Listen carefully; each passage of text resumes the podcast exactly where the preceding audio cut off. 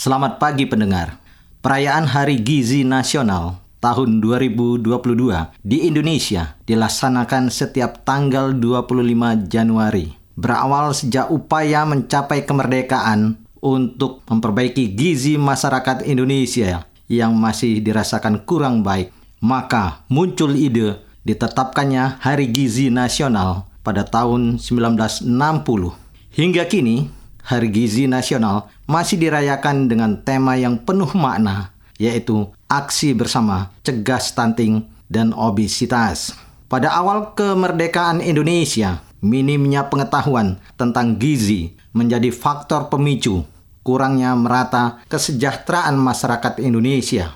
Melihat kondisi yang memprihatinkan itu, Johannes Lemena selaku Menteri Kesehatan Republik Indonesia menugaskan Profesor Purwo Sudarmo untuk membantu dalam penanggulangan masalah gizi buruk. Program utamanya adalah meningkatkan kesadaran masyarakat Indonesia tentang gizi.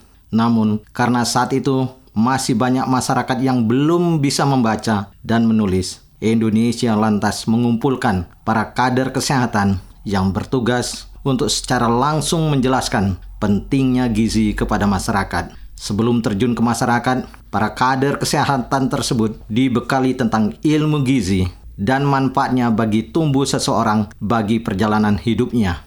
Selain diberikan pendidikan khusus tentang gizi, para kader juga diajak untuk meneliti berbagai penyakit yang bisa dialami akibat pola makan masyarakat yang buruk yang saat itu masih berpikir yang penting asal kenyang. Semangat dan keteguhan Profesor Purwo Sudarmo untuk memperkenalkan dan mengembangkan pengetahuan tentang gizi di Indonesia, mengharumkan namanya sebagai Bapak Gizi Nasional. Pengakuan tersebut diperoleh dari Persatuan Ahli Gizi Indonesia pada tahun 1969. Profesor Purwo Sudarmo kemudian semakin bersemangat untuk mengembangkan ilmu gizi dengan membuka bagian ilmu gizi pertama di Fakultas Kedokteran Universitas Indonesia pada tahun 1975. Kemudian tema Hari Gizi Nasional tahun 2022 yaitu Aksi Bersama Cegah Stunting dan Obesitas.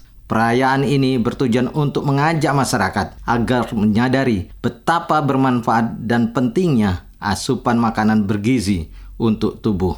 Bagi kita di Kabupaten Sintang, Hari Gizi semoga kembali mengingatkan kita semua untuk mentas dari permasalahan gizi buruk ataupun stunting di mana kita tahu Kabupaten Sintang juga masih mendapati penderita kasus stunting. Dan kita digugah kembali sebagai orang tua.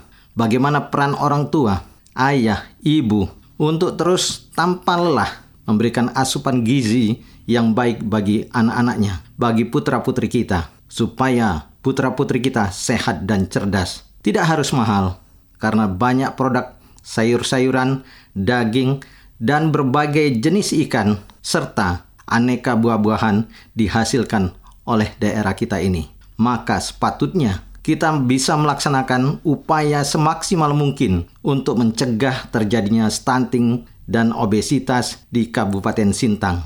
Sekian komentar.